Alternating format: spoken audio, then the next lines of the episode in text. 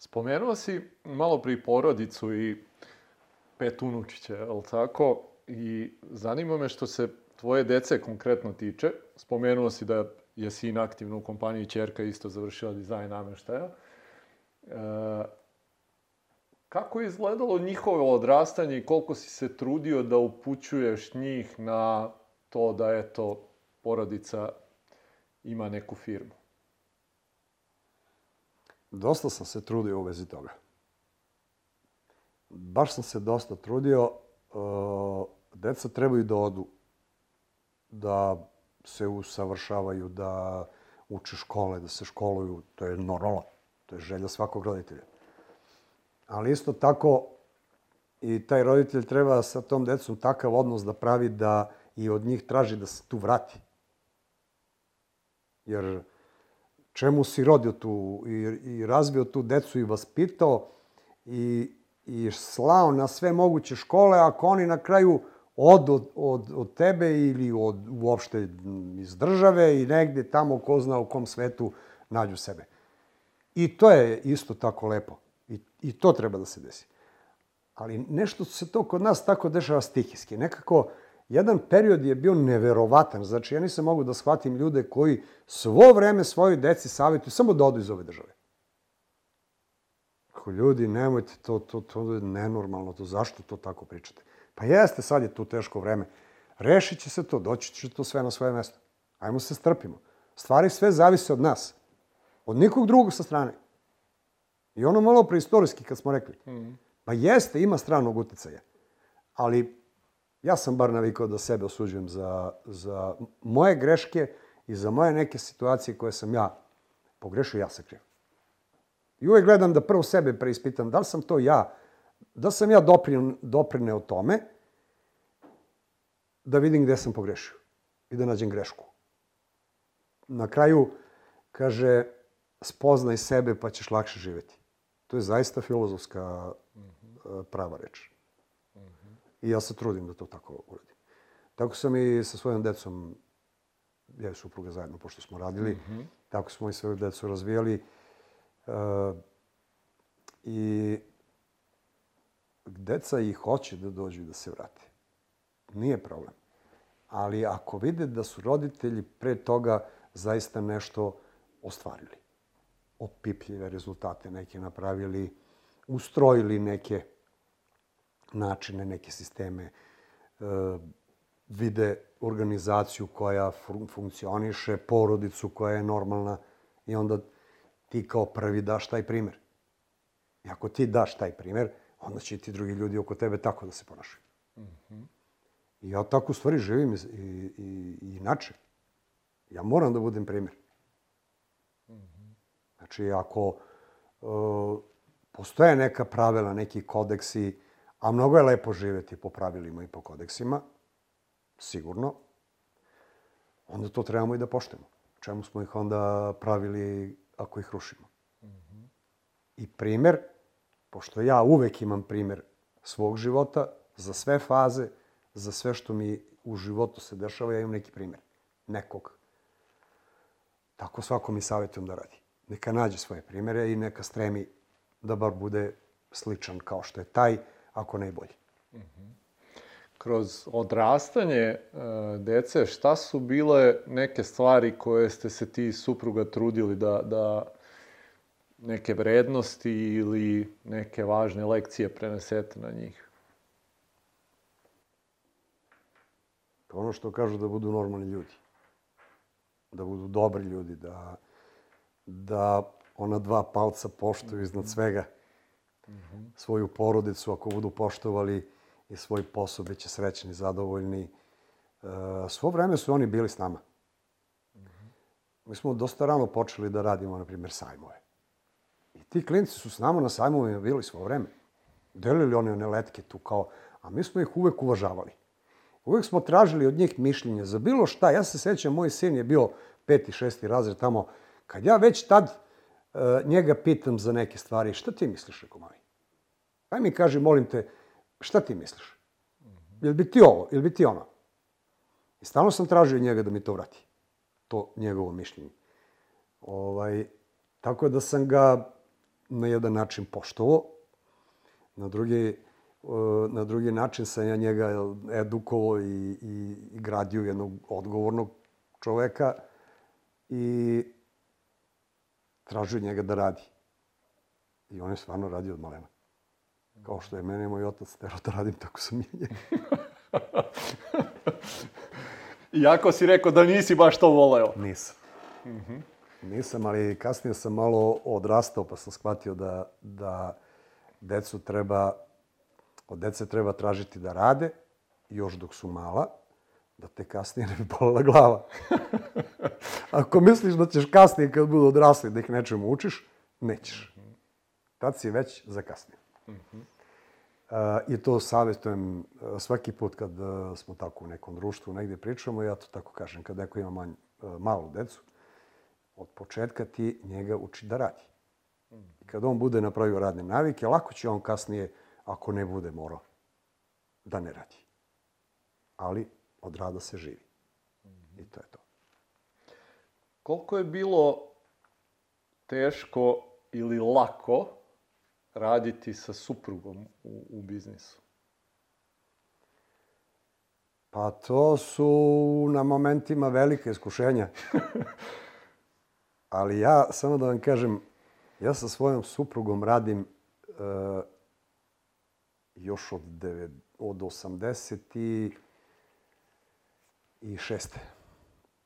Uh, ja sam se, ja sam elektrotehniku završio, srednju elektrotehničku školu i zaposlio se u toj fabrici kablova tadašnje. I ona je tad. Mi smo ista, iste godine. Mm -hmm.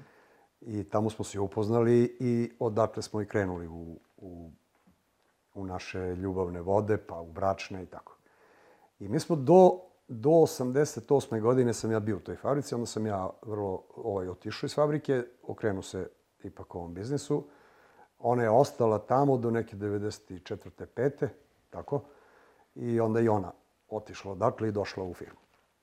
Naravno, kad je videla da sam ja razvio, pa se onda pridružila. Šalim se sad. Kad mi je bila zaista velika potreba da ona bude pored mene, ona je to i uradila i došla i mi smo od te 94. 5. godine, evo do dana današnjeg zajedno.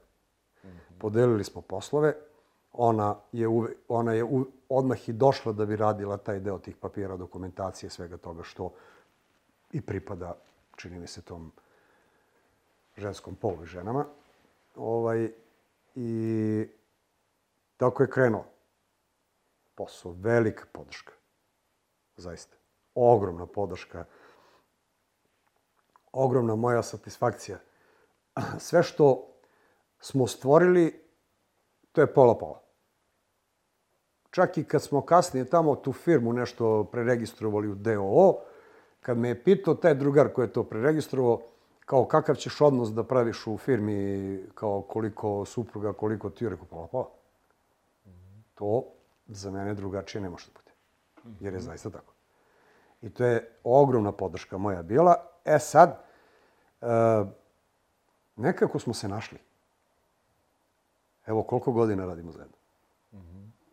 Koliko godina radimo zajedno, naravno, živi smo ljudi, pa tu ima svega.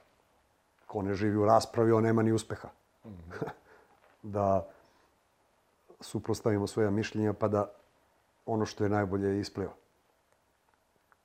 Tako da ima tu svega i svačega, a iznad svega, iz, iznad nas je jedna velika ljubav koja dan danas živi. Mi dan danas živimo ljubavi. Iako smo ponekad onako, znaš, kao rogovi u vreći, ali to mora tako da bude, ja to shvatam da je to normalno. Ali iznad svega naša ljubav traje. -hmm. Još. Pogotovo sad, e, kad su krenuli, krenuli da dolaze unučići. Znači, nama je unuka sedam i po godina ima, najstarija. Mm -hmm. ovaj, znači, još pre sedam i po godine, kad smo mi dobili prvu unuču, mi nismo imali ni 50 godina. Ni po 50. To je a, e, takav spoj, takva veza. Toliko je to ojačalo svu vezu tu između nas. Mm -hmm. to, to je neverovatno. To je nešto što sad tu porodicu takvu još više uveze, još, još više uklopi. I onda e, vrlo brzo shvatiš da ja sam dugo razmišljao e, kad su me drugari moji pitali kao e, sad si deka, kao, ka, kako ti je sad? Govorim, nemam pojma, kako, šta meni? To su deca dobila decu. Ja sam dobio unuče. Dobro. Prođu nekoliko meseci i ja shvatim u stvari šta se desilo meni. A nikog do tad nisam čuo da mi je to rekao. Jer bi mi bilo lakše, rekao bi, to je to. Ja shvatim da sam u stvari dobio jednu novu ljubav, koju nisam do tad imao. A ona, po prirodi stvari, se tako i dešava. Da od te neke godine čovjek dođe i tad ga je Bog nadario da dobije tu novu ljubav. I ta nova ljubav, pošto je ljubav nešto najjače na svetu što postoji, i čovjek bez nje ne živi, i ako to nema, on i nije ni, ni čovjek, ovaj, krene da se rodi druga ljubav, pa treća, pa četvrta, pa peta, brate. Koje je bogatstvo ljubavi? Sad. Mm -hmm. To je, to je fantastično. To je prelepo. To svakome želim da doživi. Jedna od strana biznisa koju mnogi ne vide gledajući sa strane je i taj neki pritisak i stres koji isti nosi. Kako se razvija organizacija i kako sve više i zaposlenih ljudi to ima, taj pritisak nekako i raste. Kako se ti danas nosiš i kako si se nosio sa istim? Danas 350 porodica negde živi od jela i svega onoga što radi, tu su i dobavljači i klijenti, svašta nešto. Kako ti izađeš na kraj kad treba da doneseš neke važne odluke, a negde tu stoji da jako veliki broj ljudi zavisi da li će ta odluka biti dobra ili ne? E, ja kažem, apsolutno se ne plašim ono što se tiče mene. Gde ja vladam tim stvarima. I te firme, i tih ljudi, apsolutno tu nemam nikakav taj problem takav. Da to tako osjećam, da ja stalno nosim taj teret tih 350 ljudi. Ja se samo plašim ovih ovakvih situacija koje se nama u Srbiji često dešavaju. Mi smo stalno u nekoj situaciji da nam ide gore, padamo dole, idemo gore, padamo dole. A, sankcije razne, problemi razni, država, e, sećam se 2000. godina, svaki izbori kad treba da dođu nama, prometi padaju dole, sve staje, narod se ne interesuje za ništa drugo, samo gledamo izbore. E, prođu izbori, pa eto, krećemo polako, ponovo nešto. A, ubiju pre, ovog premijera. A, smene ovog. To su takve turbulencije strašne. Meni je to najviše pravilo problem. Evo, krenula korona. Mi e, završili projekat koji sam ja još 2014. godine napravio e, za ovaj, ovu lokaciju ovde i ovo sa što smo radili. Znači, 14. godine sam ja taj projekat i tu ideju tako osmislio i napravio. I onda smo u fazama to gradili. 2019. godine smo uh, uradili tu završnu fazu sa tim halama, sa projektima za tu novu opremu, mašine, regalna skladišta, oprema za regalna skladišta, softver, implementacija svega toga, ljudi, radna snaga. Sve smo to osmislili i ništa, nikakav problem nema sajam u Kelnu 2020. godine, mi tamo kao, mi smo tamo bili toliko superiorni e, na tom sajmu, verujte mi, sajam u Kelnu, da je direktor sajma došao samo kod nas na štand i da kaže, opravdali ste sve ono zašto ste me, kaže, leto su ucenjivali da vam dam ovu poziciju štanda. Sve ste opravdali. I strašno nam je drago što ste se pojavili ovde kao nova firma, kao neko ko će naravno ovaj, i dalje izlagati na tom štandu. Ja sam odmah tad rekao, iduće godine duplo veće površine nego što smo imali. A i ta smo već imali veliku površinu. I sad se ti vratiš 20. januara ovde, sve ono što si projektovao, isplanirao, izgradio, završio, priveo nameni, da sad radi i da još više ljudi zaposli i da još veća neka tržišta radimo i da još uh, u, sa tim nekim inovacijama koje smo radili u, u, u toj opremi, u, u strategiji, u, u razvoju proizvoda, ovaj, sad krenemo i onako kao na talasu odemo negde u neke zaista visine dođe 15. e, marta korona. I svi, de, na pod.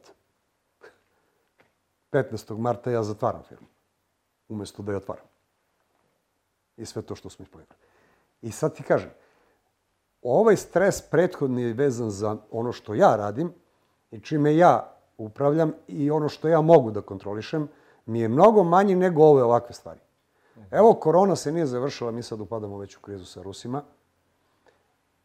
Hteli, ne hteli, mi smo mali, ali Rusija je ogromna ekonomija i ona ima strašno veliki uticaj na, i na Evropu, pa i na svet. Mi ćemo sad svi ispaštati zbog toga. Evo, malo pre sam rekao, mi poslujemo sa Rusijom, sad imamo problem u tom poslovanju. Pa nije mi sve jedno tamo ako neku firmu koja ima 500 salona imaju. Sad ja odjednom nemam. Pa nemam je od uče. Ne, nemam je od petka, kad beš četvrtka. Sad trebam da na, nadoknadim negde sa, sa taj posao, sve te, te projektovane proizvodnje, sve te neke količine, e, da opravdam sve ono što sam smislio kao e, novo zapošljavanje, kao nove proizvode, investira se, investiralo se puno. Sad ti odjednom imaš tamo jedan vakum koji nije mali. Trebaš negde da ga preusmeriš, da ga pre, presrediš, da I to, iza, i to, i to izaziva od meni onako jednu pometnju mm -hmm. i destabilnost. Kako se izboriš sa tim, sa tom pometnjom, nestabilnošću? Šta su neke prve stvari koje ti tad padaju na pamet? Pa samo malo pustimo vreme da kaže svoje, pa onda malo stabilnije. Mislim, nije tu ugroženo poslovanje firme, mm -hmm. ali ugrožene su tvoji planovi mm -hmm. koje si projektovao. Kako uspevaš? Bavim se svim svačim. Svim svačim. E, skijam puno, mm -hmm. e, vozim motor, vozim bagije, one kvadove po, mm -hmm. po planini, putujem često, u nautici sam već 15 godina. Sve su to neke stvari gde, gde sam ja našao da se malo oslobodim od tih pritisaka, da skupim snagu da, da mi ne bude samo to preokupacije. Jer e, ako čovek e, nema toga, onda on postaje ozbiljno rob mm -hmm. tog biznisa. A biznis nije jedina stvar u životu s čim mi možemo da se bavimo. Ima toliko tih lepih situacija sa strane. Jesi ti to osvestio ono, negde u, u nekom periodu razvoja svog poslovnog, zato što većina preduzetnika se negde poistoveti sa biznisom i postanu baš to što si rekao, robovi istoka? Mm, osvestio? Jesi tako rekao? Da. Yes. Kad je to došlo kod tebe? Jesam, jesam. Ja sam kroz godine, pa pazite, ja 14 godina sam nautičar. 14 godina, pre 14 godina sam uzu taj neki brod i, i volim da, da provodim to vreme na vodi, da odemo tako, da se družimo, da oslobodimo glavu od svega ovoga. I tad sam došao do, do, do saznanja, do spoznaje samog sebe da to što ja provedem vreme van ove firme, ovoj firmi donese mnogo više dobra. Kasnije. Jer sam u nekim situacijama hvatao sebe da kad se previše uvučem i kad previše bude nekad... Život je to, pa nosi svakakve pritiske. Tad čovek treba da odli. Tog momenta čovek treba da se povuče. Neće ništa propadne. Ostaće to sve tu. Tad se povuči. Povuci se negde sa strane u neke ova, neka ova zanimanja, neka interesovanja. Napravi, brate, nešto sebi. Pa nije valjda da te ništa ne interesuje. Samo posao. Pa džaba ti to sve. Pa to ti je badava. Šta se to napravi? Možeš se zaposliš bolje kao radnik, negde radiš, da te glavu ne boli. Nego da sebi naučiš taj jad i tu bedu, jer to je to je strašna odgovornost, to je strašan stres koji ljudi nose. Kad, ne, kad rade tako, razvijaju firmu, a ne razvijaju organizaciju u firmi. A najveća je vrednost svake firme i organizacije. To je ono zašto sam ja najviše vremena posvetio, čini mi se ovde. Praveći organizaciju i delegirajući ljude i pustiš ljude da rade i onda vidiš koliko su sposobni, koliko su kadri. Kako tvoja uloga danas izgleda u, u Jeli? Vrlo lagodna. Stvarno. Rekao sam koliko zanimanja imam. Koliko interesovanja. A to sam širio zato što, da, zato što sam trebao negdje da ubijem to vreme. sam onda onako baš fino proširio. I ovaj, vrlo često moji drugari i iz privrede i van privrede kažu da sam im ja primer kako treba živjeti. Jer ja svo vreme živim i radim. Svo vreme. I mislim da to tako treba. Ako hoćeš da budeš neki vizionar, ako e, hoćeš da, da vodiš neke ljude, to da budeš na čelu nekih ljudi, ti onda moraš zaista da se baviš nekim drugim stvarima. Ne možeš ti samo to. Izgubit ćeš vidike. A upravo te stvari čoveku prave vidike. Prosto napraviš u mozgu, e, skineš neke, izbaciš neku memoriju koja je viška, koja se tu spakovala i opteretila ti mozak i onda to izbaciš iz sebe i, i ono vidiš otvori se novi vidik. Pa opet krene da se sužava ovako, a ti ajde, ajdemo na motor, pa onda na motor, pa vožnja, pa putovanje, opet otvoriš vidik.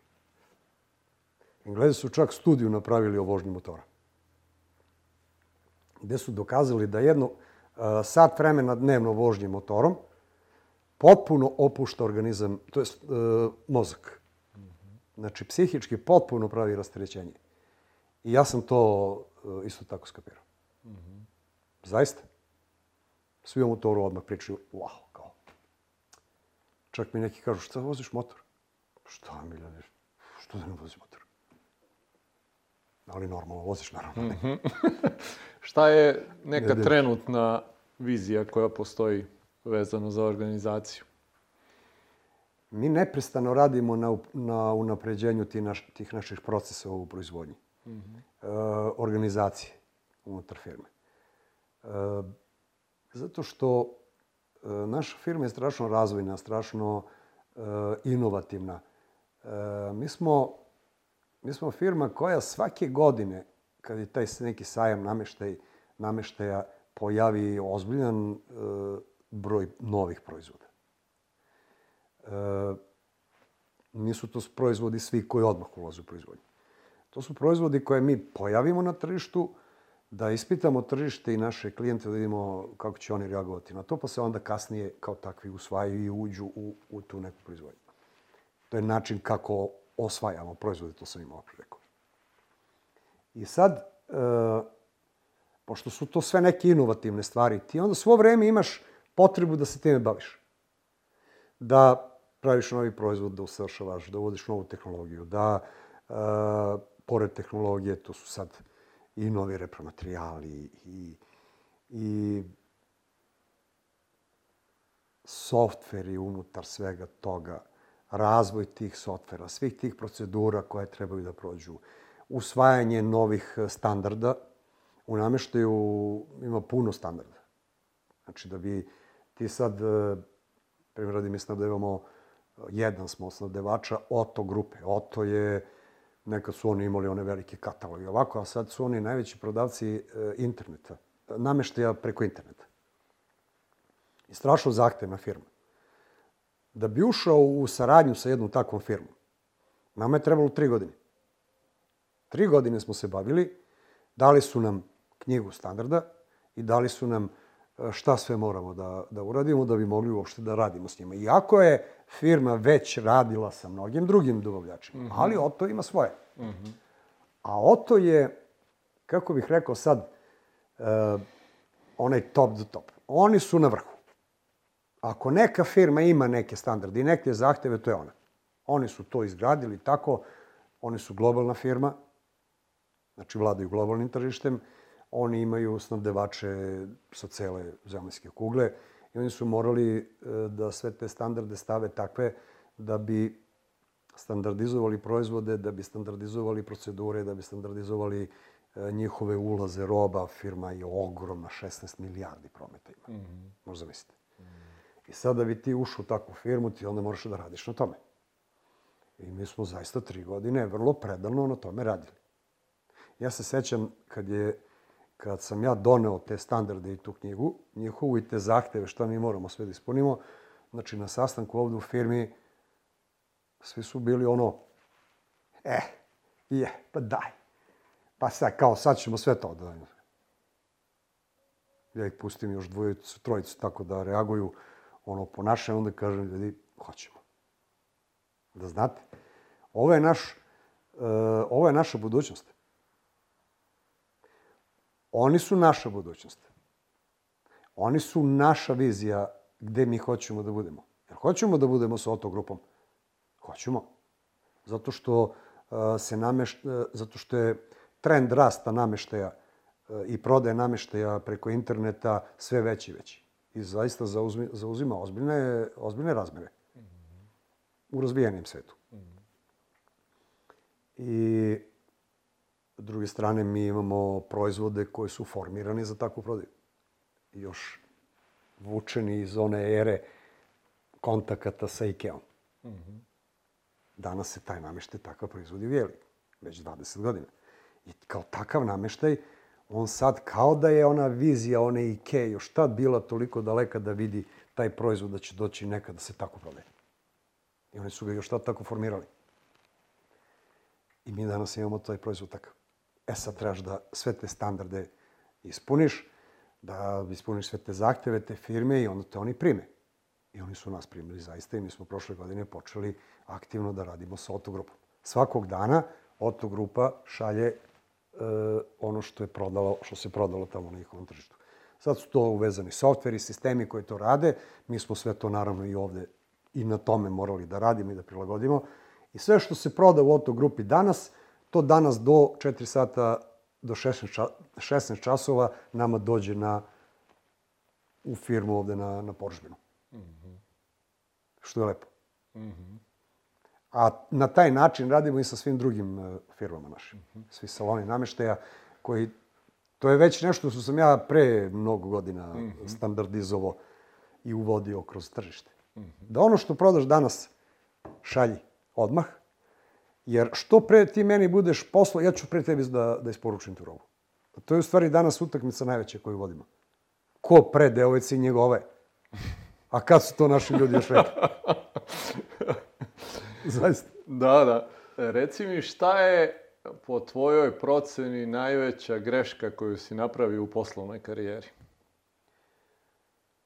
Uf, što sam Rusu dao da mi vodi posao u Rusiji.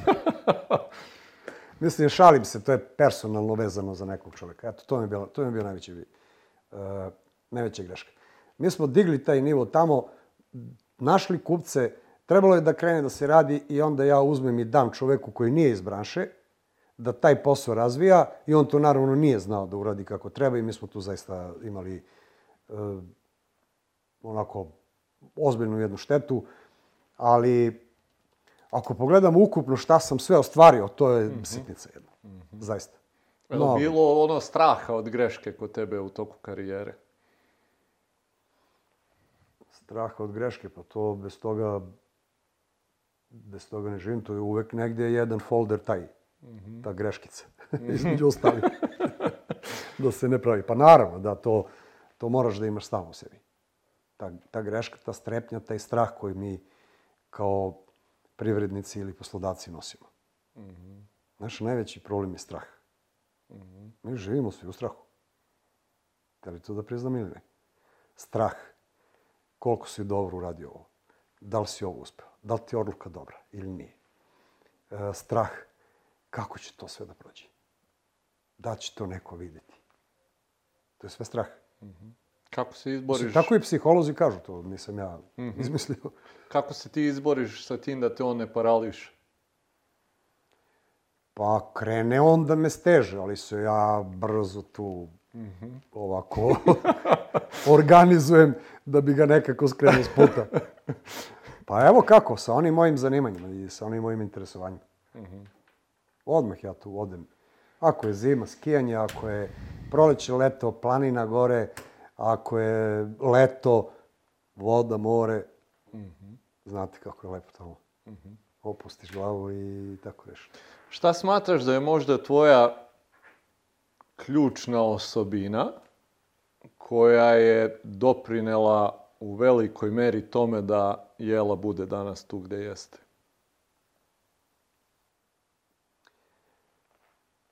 Pa ta vizija i, i, i upornost. Čovjek mora da ima viziju. I naravno mora da bude uporan, da stremi prema toj viziji, da je ostvaruje. I mislim da je to, da je to onako jedna karakteristika ta upornost i, i ta vizija koju čovjek zna da stvori, koju čovjek u stvari izgradi u sebi. Mm -hmm. Možda bi to najpre rekao. Mm -hmm.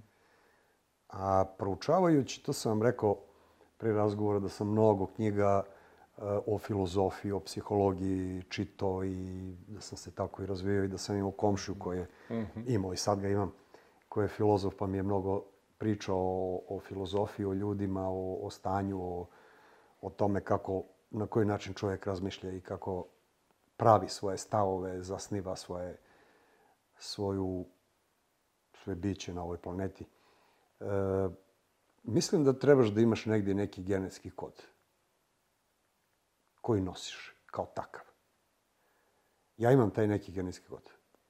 To je meni još moja parababa negdje videla, videla u meni i bio sam mali, kad sam stalno nešto tu oko te rodenice, ja već morao nešto da radim, pravim, zanimam se nekim stvarima. A ona sedi na jednoj maloj stoličici tamo i gleda me tako i uživa u meni, u njenom paraunčetu. Ovaj, I kaže, ti, ti si isti, kaže, kao tvoj deda, tamo neki Žika, živa, u stvari, e, koji je imao, to je njen otac, koji je imao jedno ozbiljno imanje u to neko vreme, i imao i veliki broj ljudi tu koje je zapošljavao i zemlju i svašta nešto. Ovaj, I ja mislim da je to to. Da ja odatle vučem to. Jer sam e, ispitivao s druge strane moje porodice da nisam našao nekog takvog.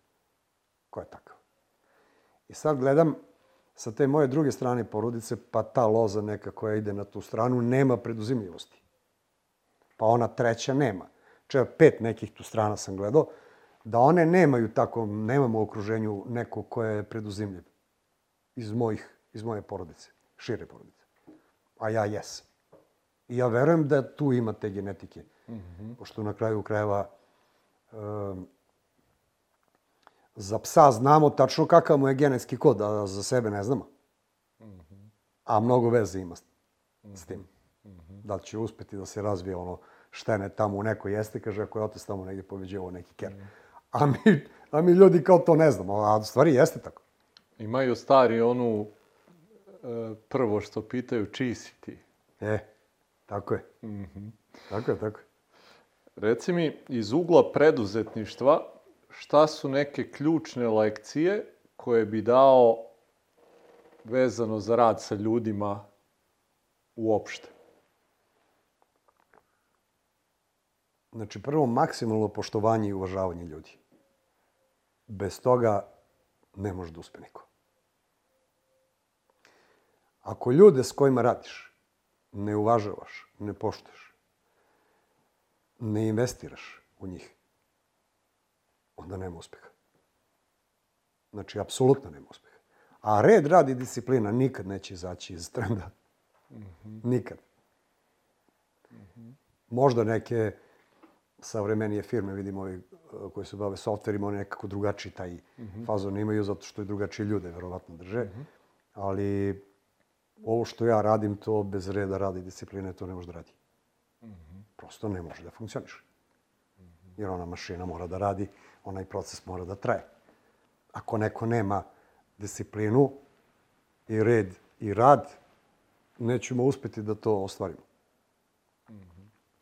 I mislim da to to stoji još iz komunizma, ali to nije ništa pogrešno. Okay. To red, rad i disciplina. E, to, to sve podrazumeva i ovo što sam malo pre rekao. Da. Poštovanje ljudi, uvažavanja. E, kad su krenule da dolaze ono masovni one, one strane neke firme, pa tu odjednom kao hiljadu ljudi oni zaposle.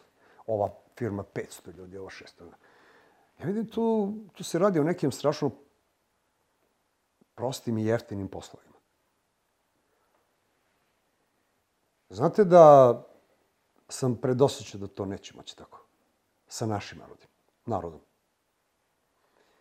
E, naš narod je izuzetno pametan, vispren, sposoban i ne možeš ti prema njemu kao prema jeftinoj radnoj snazi. Ne znam tamo negde gde, gde je to bilo u nekim momentima, pa se to tako desilo. Mi smo Evropa. Mi smo evropski narod. I imam tu puno primjera gde to baš nije prošlo. Baš taj takav odnos. Pogotovo to da drže ljude na neke minimalce, da vrlo malo plaćaju ti ljudi. Može to trenutno da se desi i jeste se desilo, ali mislim da sad nadalje ne. Zato što su ti ljudi snašli već, sad su i oni nekako to sve izgradili, pokrenuli se i sad možda ja to pričam kao e, domaći privrednik i i ovaj biznismen koji na prvom mestu volim svoj narod i svoje ljude. Pa onda sam malo sentimentalan prema tome, ali ja ne bi ni popustio drugačije. Znači, čovjek mora da ima standard da živi, da radi i da bude zadovoljan i onda bude sve okej. Na svakom nivou. Za one koji nas prate i razmišljaju možda da uđu u preduzetničke vode ili su tek na nekim počecima, šta bi bili tvoji saveti njima posle eto, decenija nekoliko u preduzetništvu? E, šta bi bio savet za neko ko hoće da uđe u neke preduzetničke vode? Pa da se dobro naoruža znanjem, svojim ličnim znanjem, i da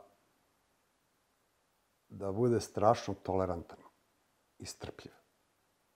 Kako bude bio strpljiv, onda će se spasiti i možda i uspeti. Mm -hmm. A ako bude bio nestrpljiv, od toga nema ništa. Mm -hmm. Jer evo, 30 godina smo morali da radimo da bismo došli do ovde.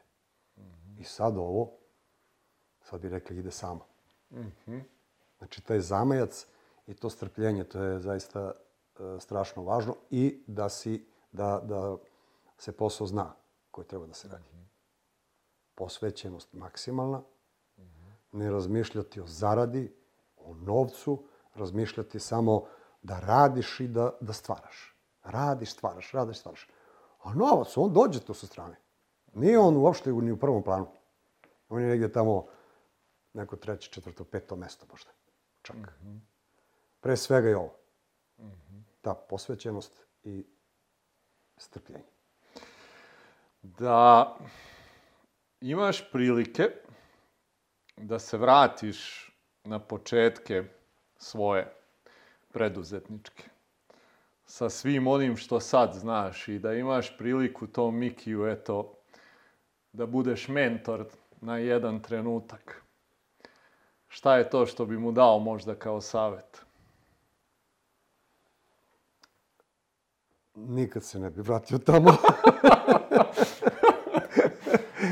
Mnogo je lepše ovde. ne, ne, ne, izvini, da sve ponovo ide, ne, ne, nikako. A to šta bi to Mikiju tad rekao, mm -hmm. jao što je to teško pitanje. Mm -hmm. Zato što će ovo neko da gleda, pa ovaj, uh, stvarno teško pitanje. Ne znam šta bi mu rekao. Ne znam u kom smislu, šta da mu kažem. Vrlo je Neki širok, savet širok ili šta dijapazon, god to bilo. Širok dijapazon nekih saveta bi moglo da ide. Šta god ti misliš da je to sa svim sad što znaš i da se vratiš neke tri decenije unazad i da imaš mogućnost da mu kažeš dve, tri rečenice, šta bi to bilo? Pa, ja inače volim da, da posavetujem ljude i da iniciram u njima da se otvore i da uđu neki posao da rade. Mm -hmm. Znači, to bi uvek savjetovao svakome. Mm -hmm. Znači, uđi, otvori se, radi. Mm -hmm. Radi, samo radi, radi, radi.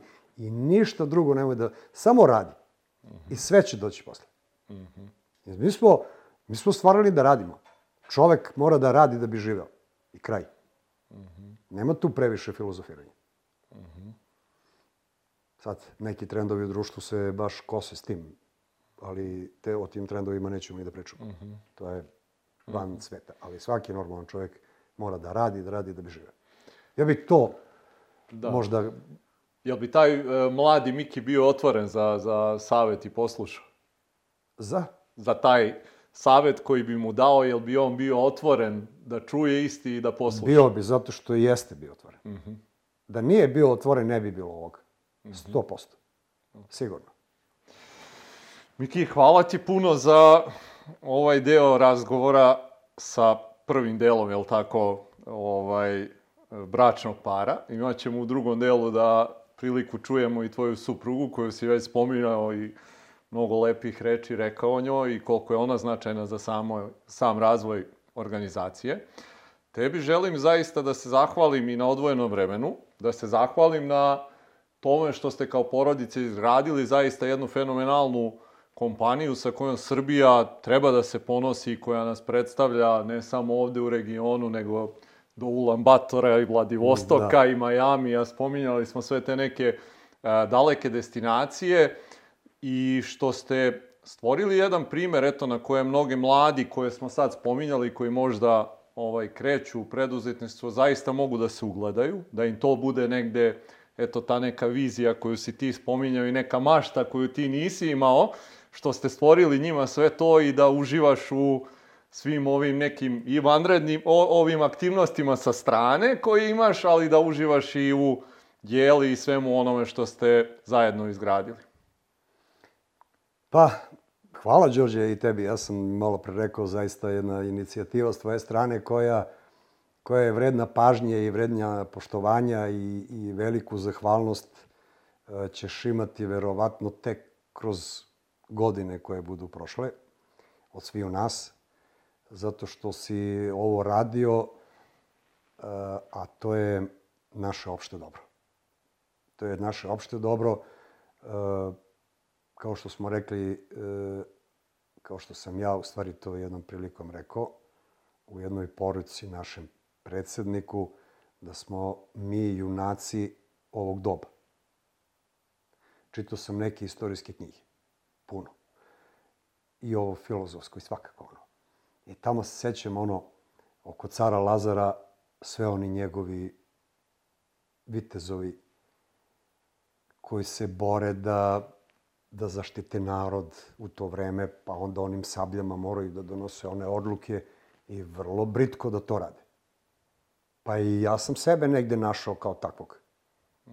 Samo što se pro- vreme promenilo, pa sad ne nosim sablju da sečem, nego moram da donosim te odluke koje se zovu, koje su u stvari najteže u nama, i tim odlukama da sečem i da režem i da te odluke budu što kvalitetnije, što britkije i one će napraviti na kraju uspeh. Eto, kao junaci našeg doba. Sjajna onako jedna metafora da završimo prvi deo razgovora sa tobom. Hvala ti još jednom, a mi se uskoro vidimo i sa drugim delom bračnog para.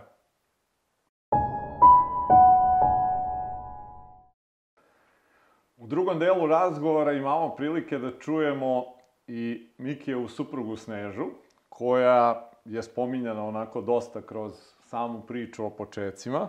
Pa evo ovako njoj zvanično da poželim isto dobrodošlicu u serijal. Hvala i tebi na gostoprimstvu ovde u firmi. Sad, Hvala, hvala i tebi da se podsjetim na ono da pređemo na ti. A, Miki je kroz razgovor negdje opisao taj uvodni deo razvoja firme. I neću te vraćati na to, ali hoću da te vratim na jedan onako zanimljiv detalj, meni je bar ostao takav. Ti si i upoznali ste se u toj državnoj firmi, jel tako, gde ste zajedno Jeste, radili, da. on je izašao. I onda si se u jednom trenutku i ti pridružila u Jelu, Koliko je bilo teško tad, znajući, pogotovo u to vreme i da je državni posao bio onako siguran i sve, koliko je bila teška odluka da napustiš tu firmu i da uđeš u tad nešto što možda još uvek nije baš bilo toliko sigurno? Pa za mene teška. upravo iz tih ubeđenja da je državna firma sigurna. Ja sam tu radila 13 godina, tad sam imala i dva deteta.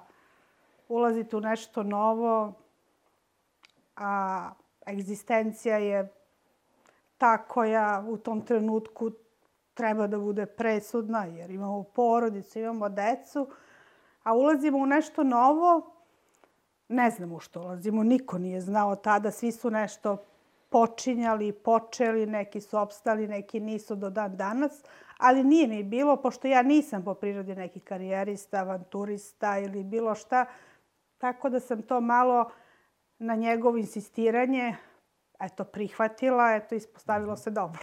na kraju, je, da... Je li to njegovo insistiranje bilo prevaga? Jest. Jest. Jest, jest. Mm -hmm. Sama, ja bih pomagala rado, ali napustila ne verujem. Mm -hmm. Ne verujem, ne verujem tad, u tom trenutku. Mm -hmm. Možda kasnije. Mm -hmm. Jer je kasnije već i počelo da bude ovaj, malo stanje nezgodno u toj firmi, tako da možda kasnije, ali u tom trenutku ne. Mm -hmm. Znači, bio je to neki iskorak u nepoznato što se tebe tiče i, i a, kakve su bile neke te prve stvari koje si ti radila u, u toj firmi tadašnje? Joj, sve, sve sam radila i sve je bilo novo. pa, mi u to vreme nismo imali ni sekretaricu, ni knjigovođu, ni, ni, ni nekog, da kažem, osoblje koje je moglo, neke zaposlene koji su mogli da pomognu, bili smo mi Kija. Mm. Tako da smo radili sve. Ne znam da vam kažem sve što Devojka treba da se sve. ura... Devojka za sve, ajde, može i tako da se kaže. Devojka za sve.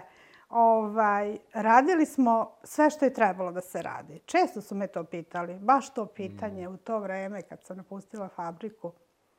A šta ti radiš tamo? I onda ja krenem i rekao, ja zaista ne znam da vam to opišem šta ja radim. Kad dođem, prvo moram da nahranim kucu koju imamo, pa da spremim nama doručak, pa da počistim ispred, pa da sredim neke od papira tada, pa da pozovem, pa da odem do grada da kupim, da završim. Tako da puno, puno. Mm -hmm. Lakše je bilo reći šta ne radite. Da. I onda, vi sad zaključite šta. da. Koliko je bilo teško uskladiti te porodične obaveze negde, dvoje dece, rekla si male da ste imali, za, sa privatnim biznisom? Pa, ne mogu da kažem da je bilo mnogo teško. Smo imali veliku podršku suprugove majke. Uh mhm. -huh. Ona je bila mlada, vitalna, jako mlada je postala baka. Tako da je prihvatila sve te kućne poslove oko dece, što je negde ogromno rastorećenje. Mm -hmm. Tako da je to s njom bilo mnogo, mnogo lakše, da kažem lako. Mm -hmm. A koliko je bilo lako ili teško sa supružnikom raditi? E pa to znate kako?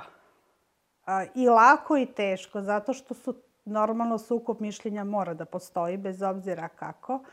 Ali ja sam uvek smatrala da tako smo se nekako, ne mogu da kažem je dogovorili, ali eto tako, on je nosilac tog posla, on je započeo biznis, on je taj koji ima viziju za taj biznis. Ja sam bila neko tu posle koja će to, eto, da napravi neku organizaciju, da malo drži kao jedno domaćinstvo, da drži mm -hmm. pod kontrolom. E, mm -hmm. tako da, I tako da je otprilike u mnogim tim stvarima bila presudna njegova reč. Mm -hmm. Šta su, kad govorimo o tom delu, kad kažeš e, građenje organizacije, šta su bile neke stvari i neke smernice koje si ti imala u glavi, koje su ti pomagale da, da napraviš neku organizaciju u tim početcima? Pa da se završi taj posao, da sve to što... Malo mi je to sad teško da, da odgovorimo stvari na to pitanje, mm -hmm. šta su bile smernice da završite to što imate da završite, te obaveze. A onda kroz sve završavanje tih obaveza vi sami svakodnevno pravite neku organizaciju i reorganizaciju kako ćete to uraditi mm -hmm. sutra, preko sutra, bolje, lakše, na jednostavniji način. Mm -hmm. Mislim, sada mi bude smešno kakve sam stvari radila po dva, tri sata, što sad recimo mogu da uradim za dva minuta. Mm -hmm. Ali to je bilo neznanje, pa susret prvi put kad smo kupili kompjuter, pa sa kompjuterom. Ja sam dete koje nije imalo kompjuter, nismo odrastali. Mi smo odrastali s papir, olovku i po neki digitron. Tako da kompjuter bila mislim... Pa znači sve to ući, pa koristiti taj kompjuter, pa nema ko da vam to objasni, pa se vi učite, pa pitate. I svaki dan u stvari saznajete nešto novo. I kad saznate nešto novo, vi tu organizaciju reorganizujete i idete svaki dan po jedan korak više, što je valjda neki uspeh. Kad si rekla da si se vratila u firmu sa ne baš onako uverenjem da će to da bude sve uspešno i tako lako, i kad gledaš sad unazad, evo, tri nešto decenije postojanja, jele, šta je možda trenutak koji je izazvao najviše straha kod tebe? Bombardovanje. Nekako smo u tom periodu uložili sav naš, pa ne mogu da kažem ni kapital, nego sve što smo imali. Znači, i onaj novac koji nam je bio za svakodnevne potrebe i hranu i ostalo. I onda je posle nekoliko dana počelo sve. Počelo sve i sve stalo. I, ali nekako smo i to, ne znam, mi smo se preorientisali odmah i na neku baštu smo imali da bi, na, da bi imali povrća, jer shvatili smo da će biti ratno stanje.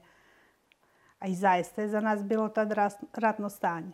Mi smo u to vreme bili vazdušnom linijom jedno 400-500 metara od Barutane koja je bila neko cilj za gađanje, što na kraju i jeste bio cilj za gađanje, tako da smo mogli da budemo neka kolateralna šteta i onda smo se bojali toga. Ali najgora stvar od svemu to je bilo što smo sve to što smo nešto radili do tada uložili i tada je sve stalo.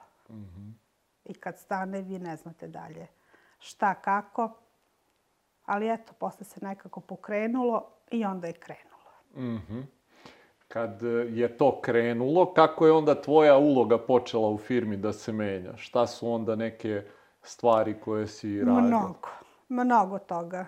Mislim, od te papirologije koja je uvek bila i nekada i danas bila sastavni deo mene, pa preko nekih, eh, preko nabavke, preko prodaje. Mi tad nismo imali komercijalu. Bili smo suprug i ja. Tako da smo radili i komercijalu i prodaju i nabavku i sve smo radili zajedno. Ali je moja uloga bila tu što sam ja bila tu. Neko je bio tu.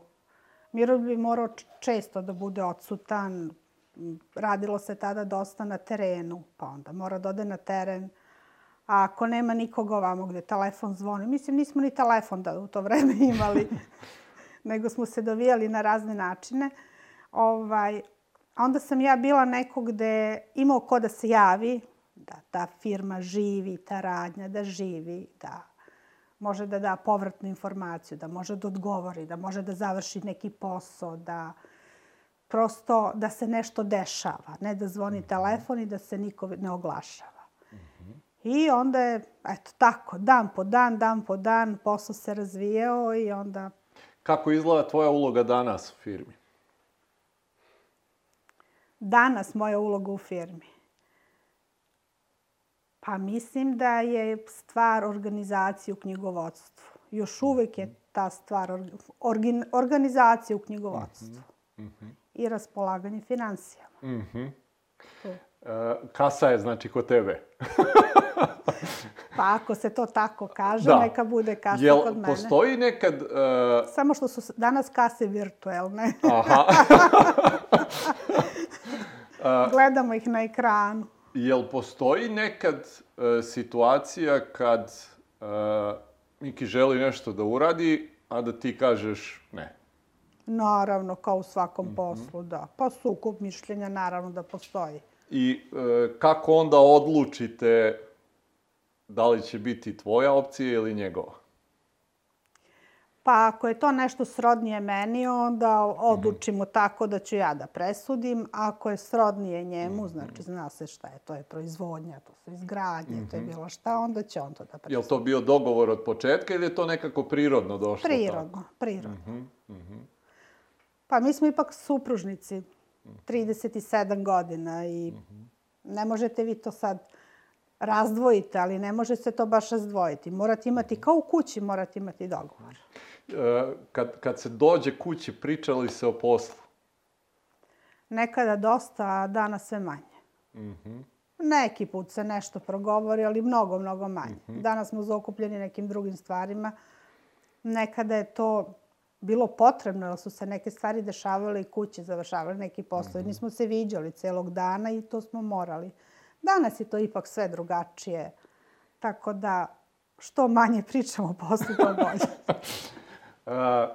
Pitanje koje sam isto i Mikiju postavio, a me i da čujem tvoju ovaj, stranu što se odgoja dece tiče, koliko ste se iz tvoje perspektive trudili da ih uputite na posao eto, kojim se bavite i šta su vam bile važne stvari koje ste se trudili kroz vaspitanje dece da, da usadite neke vrednosti i nešto da prenesete na njih? Pa, ja mislim da to svi roditelji rade. Mislim, prvenstveno da budu, da kažem, dobri, normalni, pošteni ljudi. Mislim, sećam se pitanja kada je sin, pošto je on stari, krenuo u prvi razred, pa ja mislim da je to bio deči psiholog, više ne znam ko je bio, kada su me pitali, odvela sam ga šta očekujem od svog deteta. Bila sam malo iznenađena. Rekla sam, očekujem da bude jedno normalno dete. Znači, ako treba da ko svi pobegnu sa časa, da pobegne i ona. Ne da kaže, ne, sine, ti ostani, ti sedi. Mislim, ako sva deca, ne znam, idu na jednu stranu, da ide on, ali da ništa u tome ne bude loše, nego da bude jedan normalan, proseč, normalno prosečno dete i posle jedan normalan, prosečan čovek koji će da radi pošteno, da nema u sebi zavisti, da nema u sebi ljubomore, sve što bi oni deset Božih zapovesti rekli, tako eto. Ovaj, jednostavno da bude normalan i stabilan čovek. Kad pogledaš unazad, je kod tebe ikad postojala slika da će Jela izrasti u ovo što je danas? Nije. Nije. U to vreme se dosta pričalo, ne više od 20 radnika, ne više od 50 radnika. I onda smo, ja sam mislila da će to tako biti, 20, 30 radnika i to će biti. Onda se to, da kažem, neki put kažem, otrglo kontroli. ovaj, ali nisam zaista. Pa ne znam, nismo mi nikad maštali, nikad nismo, ovaj, suprug je, ne mogu da kažem, Miki je imao tu viziju gde će biti fabrika, kako će biti fabrika, ali je puno putovao, puno je gledao. A, nekada u ono vreme 90-ih, 80, kasnih 80-ih godina, pa je viđao u Italiji, sve su to fabrike pored puta, pored autoputa. Mi u to vreme, naša prva početnička fabrika, što vam je Miroljubi pričao, nije bila na ovoj lokaciji, bila je u Da. ne, na sasvim drugoj lokaciji. To su bile njive, to je bilo loše doći, put loš, maltene i nema ga. Tako da je to njemu, valjda iz svega toga kad nemate, bila velika želja da to ima na lokaciji gde treba. I njemu su se sve te vizije ostvarile. Ja sam prosto pratila te njegove vizije. Naravno, imala sam i ja nekih želja, ali ne tako ti globalnih i velikih kao što je on imao. Šta, šta smatraš možda ti iz tvoje perspektive da je neka njegova ključna osobina koja je bila važna za, za uspeh? Pa ima tu puno stvari. Znači, on prvo, to su bile, znači, 20 i neke godine, kada su u današnje vreme sve to neka deca. Mi smo tad imali već dva deteta i firma je počela da radi. Ta njegova otvorenost prema svetu, što u to vreme e, mnogi, njego, mnogi njegove kolege nisu želeli da idu po sajmovima, da se bave time. Sve je to bilo, ma, ma deću tamo, šta to? Bili su počeci, a on je video tu budućnost. Video je kroz te sajmove, kroz ta, da kažem, neka druženja, kroz savete starih ljudi koji su bili u tom poslu već veterani, iskusni. Tako da je on to slušao, slušao i težio ka tome. Šta imao je viziju, imao je viziju. Uvek imao viziju. Da. A šta misliš da je možda neka tvoja važna osobina koja je bila isto tako značajna za Jelu kao kompaniju? Pa ja sam bila tu ovako da vidim sve od ozgo, da držim pod kontrolom, da kažem kad nešto uočim, da povučem Ručnu. ručnu, da, da možda smirim, da završim te neke sitnice koje se tako nigde ne vide, ali završavaju, završavaju tako posao. Šta je možda iz tvoje, eto sad da čujemo perspektive, isto ono što je važno za možda neke bračne parove koji nas gledaju, a imaju zajedno firmu. Eto, rekla si i sama, znači vi već imate 37 godina braka, firma je isto preko 30 godina. Šta bi bili možda tvoji savjeti nekim mladim bračnim parovima koji su možda na počecima svojih nekih preduzetničkih karijera? Pa jedino što mogu da budem, ajde da kažem da budem sigurna da svi mogu da budu uspešni ako gaje taj porodični biznis, kakav god da je on, da li je to poljoprivreda, proizvodnja, šta god da je. Ali neko mora da, uh, mora da se zna hijerarhija. Bez obzira što su supružnici.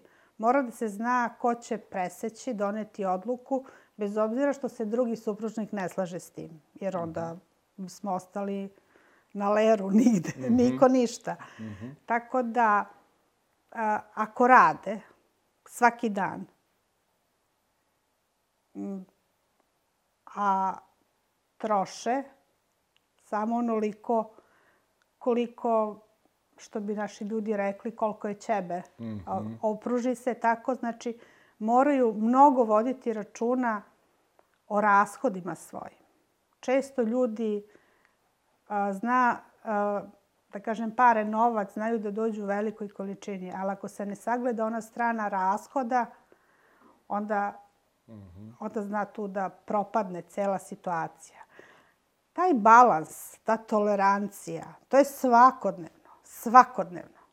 Bez obzira da li ste godinu dana ili ste 30 i nešto godina u poslu. E, postoji li možda sad neka tvoja vizija same kompanije? Rekla si da je on imao u počecima, uglavnom on neku sliku i neku ovaj, a, viziju gde želi da kompanija bude. Iz ove perspektive sad evo i ti si preko tri de- decenije u samoj firmi. a, nešto što ti vidiš isto kao budućnost Jele. Pa ovog trenutka sad, budućnost jele, naši kapaciteti mogu mnogo više. Prvo što bih voljela da se stanje u zemlji, u- oko zemlje, u svetu, sredi, da možemo svi da plasiramo svoje proizvode bez obzira koji da su, nesmetano. I onda vidim da samo ljudi da lepo rade, da lepo zarađuju i da lepo žive od toga i da imaju svi a, normalne porodice. A, kako kažete, ja 30 i nešto godina sam u firmi i sa svojih 57 godina ovaj, a, gledam na te stvari sada nekako kvalitetnije. Ne samo da bude nešto veliko, samo kvantitet, nego da je ipak kvalitet. Da smo svi živi, zdravi, normalni i da shvatamo da, da kažem, uspeh. Pa uspeh je kad čovek napreduje. Jedna kineska poslovica kaže nikad nemoj da brinete što idete sporo, brinite se ako stojite. Znači, čovek e, uspe, e, uspešan je, svaki dan je uspešan ako svaki dan korača, ide, traje i radi svoj posao. Ne možemo uspeh meriti nekim ciframa, nekim postocima. Naravno da se time meri uspeh, ali meri se i nekim drugim stvarima. Moje najveće merilo uspeha je što su naša deca u firmi. naše, moje, naše, najveće merilo uspeha, što su oni ostali. Da nisu oni ostali u firmi, mi sigurno ne bismo razvijali toliko. Ne idemo prema 20. idemo prema nekim većim godinama. Ovaj, I jedno isto od, jedno merilo uspeha su jako veliki broj ljudi na desetine koji su tu preko 15-20 godina. Tu su došli i tu su ostali. Za mene je to onako jedan lep pokazatelj da im je ovde doma. Šta su neke važne e, stvari što se tiče odnosa sa ljudima koje treba imati na umu da bi oni ostajali u organizaciji 15 i 20 godina? Jasna pravila jasna pravila koja, koja će ljudi poštovati i raditi po njima. Obhoditi se kao prema čoveku, ne kao prema, da kažem, nekog po hijerarhiji. Uh, svi zaposleni su po hijerarhiji niži, ali smo kao ljudi svi isti. Svako može da ima neki problem. Sad ne možemo mi rešavati ničije probleme, ali tu smo da razumemo ne može da dođe na posao, ako je bolestan, ako je odsutan iz bilo kojih razloga.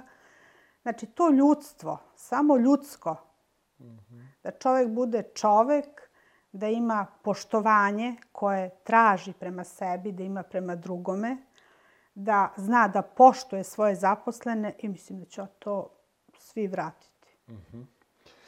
Ok, Snežo, pitanje sa kojim završimo razgovore.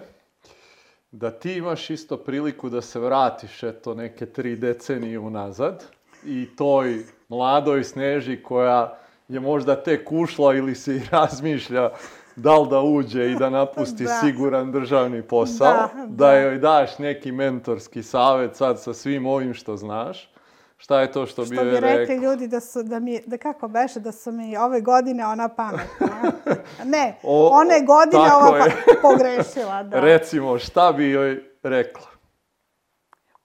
Pa sve ovo što sam rekla tokom razgovora, znači ja sad kada bi, ajde da formulišem možda vaše pitanje pa da kažem šta bih menjala, šta bih dodala, oduzela, da sam ja, da je neko drugi. Mislim da ništa ne bih menjala, ali sam videla da kroz svo vreme rada je to bio dobar put, bio je ispravan put. Jedino što bih menjala, možda neke načine da budu lakši, da budu jednostavniji, ali kad ste mladi onda i ne znate. Zato valjda je škola je život i učimo dok smo živi. Ali znači ono što sam malo pre rekla, samo da budu istrajni, da ima tolerancije, pogotovo kad su supružnici, da ima tolerancije, da mora da se malo popusti, bez obzira ko treba da popusti. Ne mogu, tvrdoglavost ničemu ne vodi. I onda je sigurno uspeh zagarantovan. I bude tu i padova i uspona i svega, ali ako ljudi rade svaki dan, dobro su izračunali ono što treba da rade, da ne očekuju neku zaradu basnoslovnu odmah, jer je i posle ovoliko godina, znači, zna se ovaj, šta možemo očekivati, jer smo unapred i to izračunali i spremni na to. Kao u svakom životu. Prirodno, postepeno, prirodno. Ne može se ništa odjednom i ne može ništa preko noći. Ok. Mislim da je to jako lepa rečenica, eto da završimo ovaj razgovor. Hvala i tebi puno na vremenu odvojenom, hvala, ti na Hvala. gostoprinstvu i da zajedno sa suprugom uživate u, u, svemu ovome što ste stvorili, kako što se tiče biznisa, ali i još više i porodice. Pa i uživamo. Uživamo jer imamo veliku porodicu, stigli su unučići, tako da imamo naslednika i nadam se da će to biti ono što ste me malo prepitali, neka vizija, eto to neka bude vizija, da će svi oni naći svoje mesto u jeli. Ok. E, Sneža, hvala ti puno i hvala i vama što ste bili sa nama. Vidimo se sledeće nedelje. Prijatno.